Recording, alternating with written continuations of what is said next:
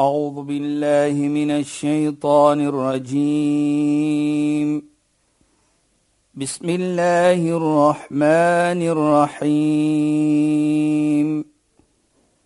اليوم أكملت لكم دينكم وأتممت عليكم نعمتي. واتممت عليكم نعمتي ورضيت لكم الاسلام دينا صدق الله العظيم Assalamu alaykum wa rahmatullahi wa barakatuh. Goeienaand. Baie welkom by die program Islam in Fokus.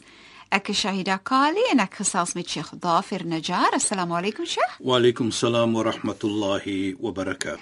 Luisteraars, julle kan dit nie glo nie, maar hierdie jaar het so vinnig aangestap. Maar ons kan mos nou die voorbeeld sien van die tyd, die horlosie wat altyd so vinnig aanstap in die program. Ons wil graag vanaand 'n bietjie praat oor voorbereiding vir Ramadan. Wat kan ons doen om vir ons reg te maak vir die maand van Ramadan want hier is ons alweer van die jaar. Sheikh, Bismillahirrahmanirrahim.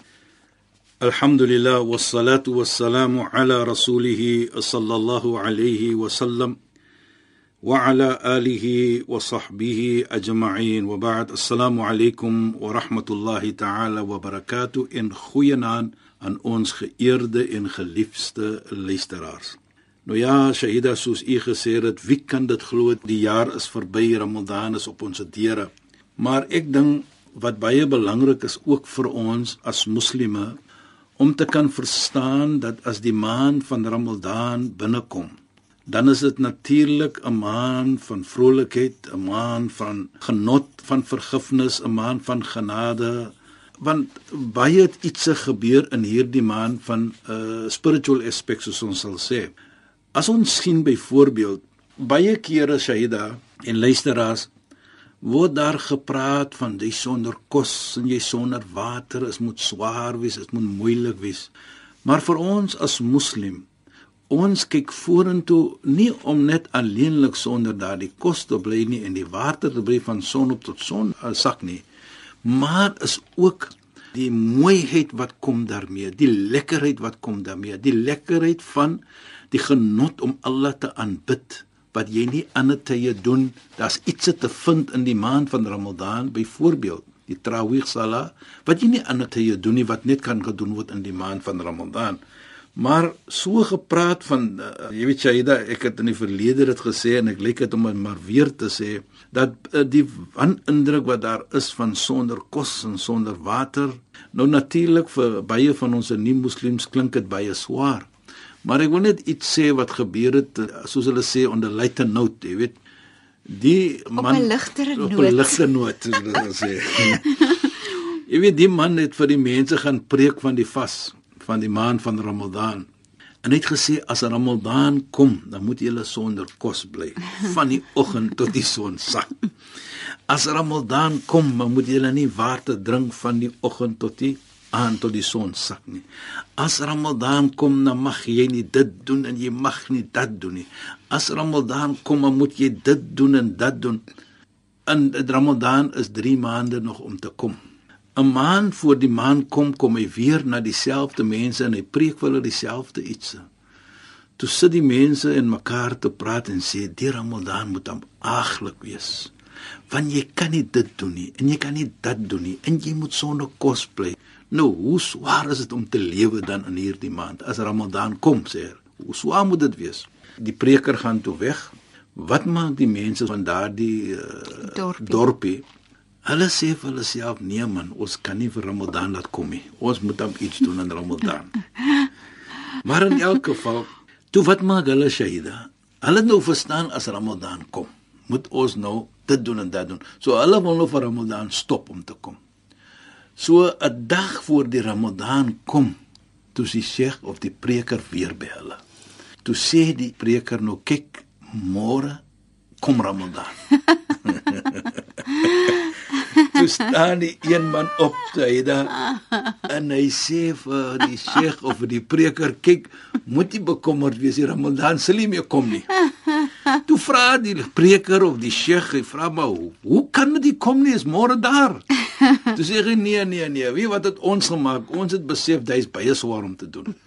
En as jy net dit doen, dan moet ons dit doen. So sien ons as Ramadan kom wat swaar wees vir ons. So wat het ons gemaak? Elke man of persoon wat gekom het in ons dorp, het ons gevra wat is sy naam? As sy naam gewees het Shaban, dan laat ons hom ingaan. Toe kom maar 'n persoon se naam is Mohammed, toe laat ons hom ingaan.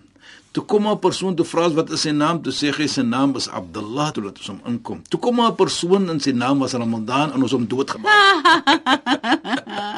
Ons maak hom dood. oh my. En toe nou kom Ramadan nie meer nie. Kom ons sê op 'n ligte noot. ja, ja. Nee, maar dit het nie nog gebeur natuurlik nie. Dit maar nog net 'n uh, uh, uh, uh, hoe kan dit verstaan word? Pragtige Ja, storie. maar in elk geval As ons nou sien dat hoe mense dit natuurlik verstaan, is dit nou nie so swaar soos ons sien nie. Maar laat ons sê hier in die Kaap natuurlik gaan dit baie lekker wees want dit is van 6uur tot 6uur min of meer. Van oor 6 tot uh, voor 6. Dit gaan 12 ure wees wat baie min is in vergelyking as jy nou is in Europa waar dit net 2 of 3 ure is is is aand. Ja. Uh in Maghrib is ons sak is ongeveer uh, half 11 en dan kom die son weer op 2 uur of half 1 in die oggend. So is min ure om te eet en min ure om te slaap soos ons sal sê. Maar in elk Ja. geval. Maar dis natuurlik as Ramadan in die somer hier by ons is Sheikh dan is die dae ook maar lank. lang, ja. Want dan is van begin eet is dit van 4 4 uur tot 8 uur. Tot 8 uur eh, morgens ja. Ja. Ja nee nee nee kyk as, as in die somer is dit 'n bietjie langer. Dis langer ja. Is 'n bietjie langer Langer is, en warm. en warm en die beloning is meer. ons glo so. Maar Sheikh, ja. as die beloning nou meer is omdat dit warm is, nê. Nou hierdie tyd van die jaar is die beloning meer want dit is koud. En as jy vas Soos as ek vas net, dan kry ek 'n Uh, is bietjie kouer, so is ek gaan ek gaan meer beloning kry. Ja, dit kan wees, dit kan wees, dit kan wees. Maar in elk geval, Wat is baie belangrik vir ons as moslime om te verstaan is natuurlik die gesegde wat die heilige profeet praat Mohammed sallallahu alayhi van die maand van Ramadan as hy binnekom. Wat is dit? Hoe begin die maand? Dan sê die heilige profeet byvoorbeeld Shahru Ramadan awwaluhu rahma wa wastuhu maghfira wa akhiruhu 'itqu minan nar as ons kyk wat bedoel dit Shaida dan sal ons sien die mooiheid. En dan kan ons verstaan dit in daardie konteks die maand van Ramadan. Dan sê hy as die maand van Ramadan binnekom dan is daar 'n genade. Natuurlik die genade is eers van Allah subhanahu wa ta'ala wat vir ons die genade getoon het om in Ramadan te wees met sy beloning en so voort en so voort wat ons later gaan praat soos ons aangaan in die programme. En ook baie belangrik, die genade wat getoon word mens teenoor mens. Byvoorbeeld, hoe sien ons ons moslime gee vir mekaar iets soos kos tot geld om kos te gaan koop sodat jy ietsie kan hê op die tafel om jou vas te breek. En ook baie mooi sien ons dan veral hier in die Kaap waar die buurmense mekaar ietsie stuur van ete. En baie belangrik ook Shaida wat nogal mooi is, baie kere is dan nie moslim bure en dan kry hulle ook hulle ietsie. Inderdaad. O ja. Dit is ook wat gebeur hier in die Kaap. Mm -hmm. Maar uh, laat ons dit sien dan dat die bekommernis daardie tyd vir die moslim teenoor nog 'n moslim is hy hoop en vertrou dat elke moslim het iets op sy tafel om sy vas te breek. En dit is 'n omgee. Dit is iets wat vir ons wys die genade wat daar vind is in die maand van Ramadan.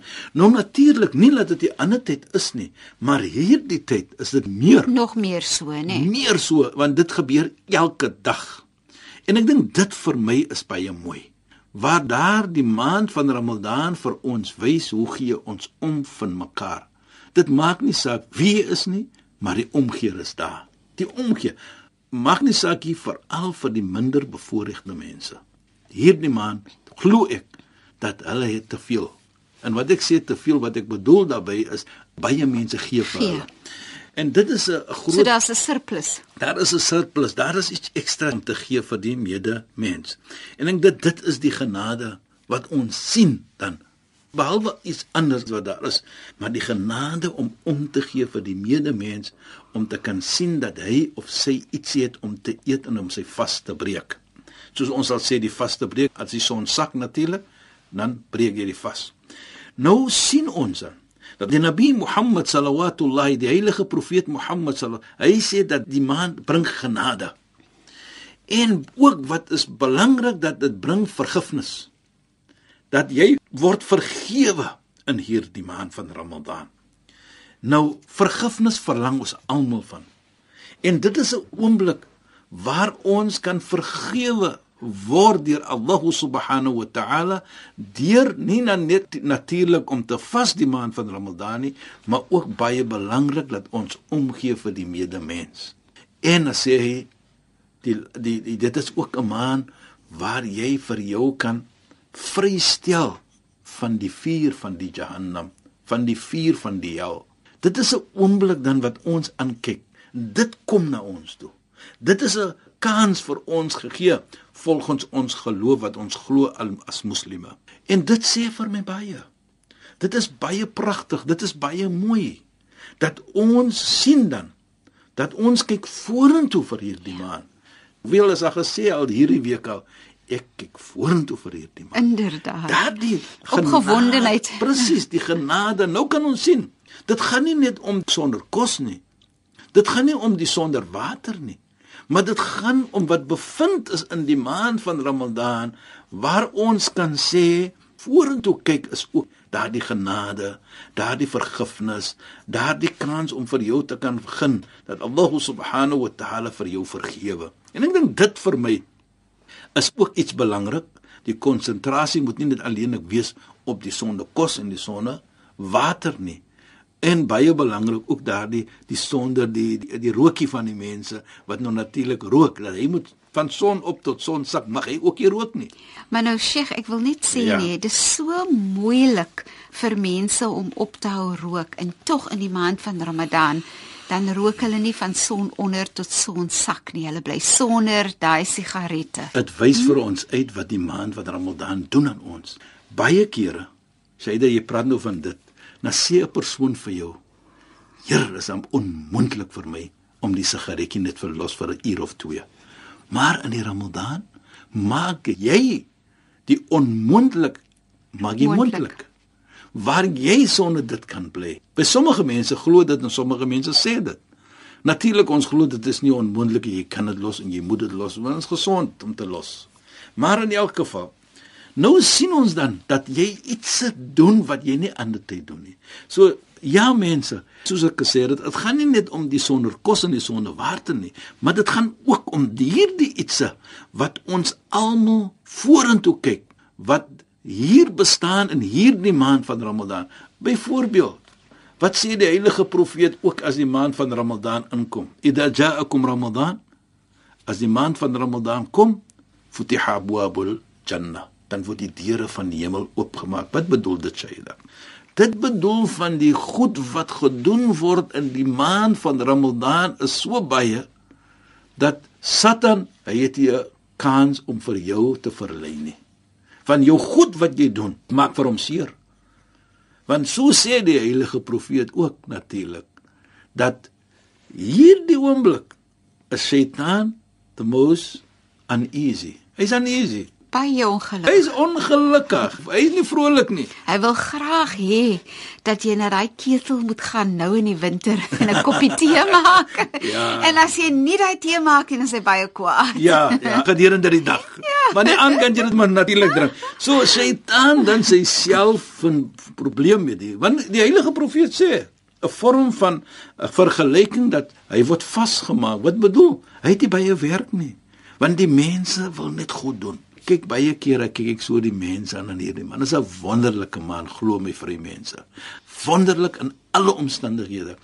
Jy weet, ons natuurlik is in Suid-Afrika.